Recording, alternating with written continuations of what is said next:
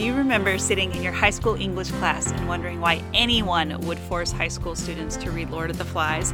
Or have you been at a dinner party where someone made a reference that everybody understood but you?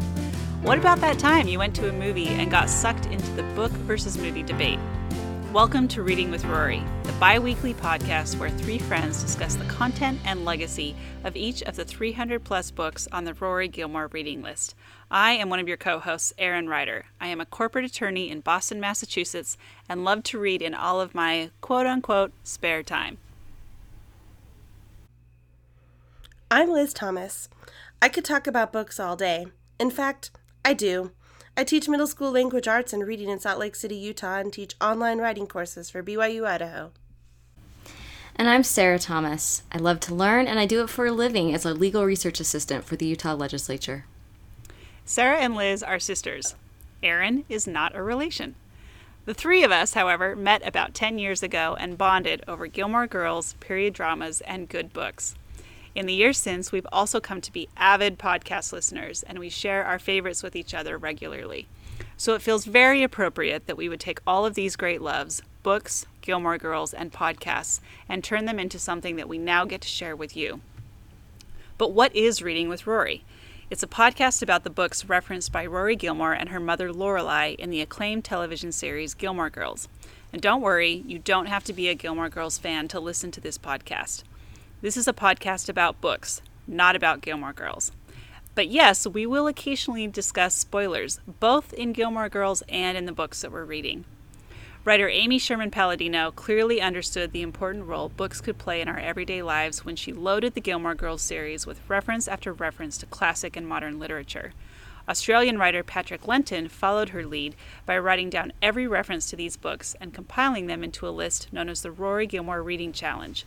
As literary lovers and Gilmore Girls gurus, we are now taking a page out of their book and reading or rereading each of the books on this list and sharing our thoughts with you.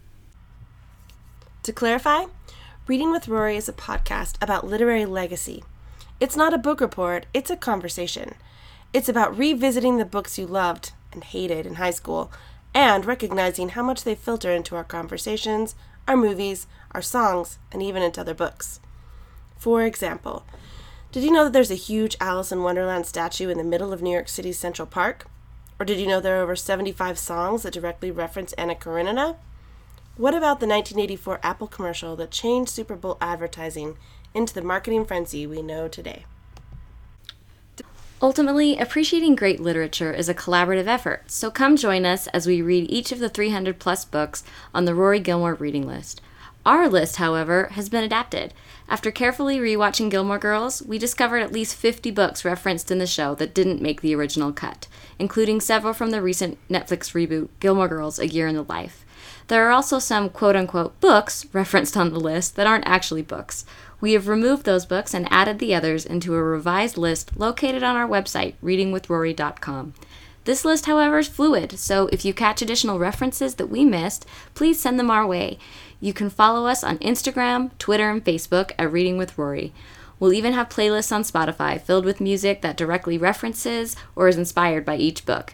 Come check them out at our Spotify account at reading underscore with underscore Rory underscore podcast. Now, at the end of the day, great books are more than just an exercise in prose. They transport us to new worlds and teach us new perspectives. By placing us in the shoes of someone else, books can teach us compassion and how to see others from the inside rather than just the outside. So come join us, read along, share your thoughts, send us song or other pop culture references so that we can share them on the show.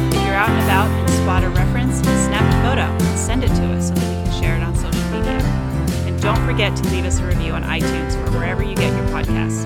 Your reviews are how others will find us. Finally, as the immortal Rory Gilmore, our patron saint, once said, I live in two worlds. One is a world of books.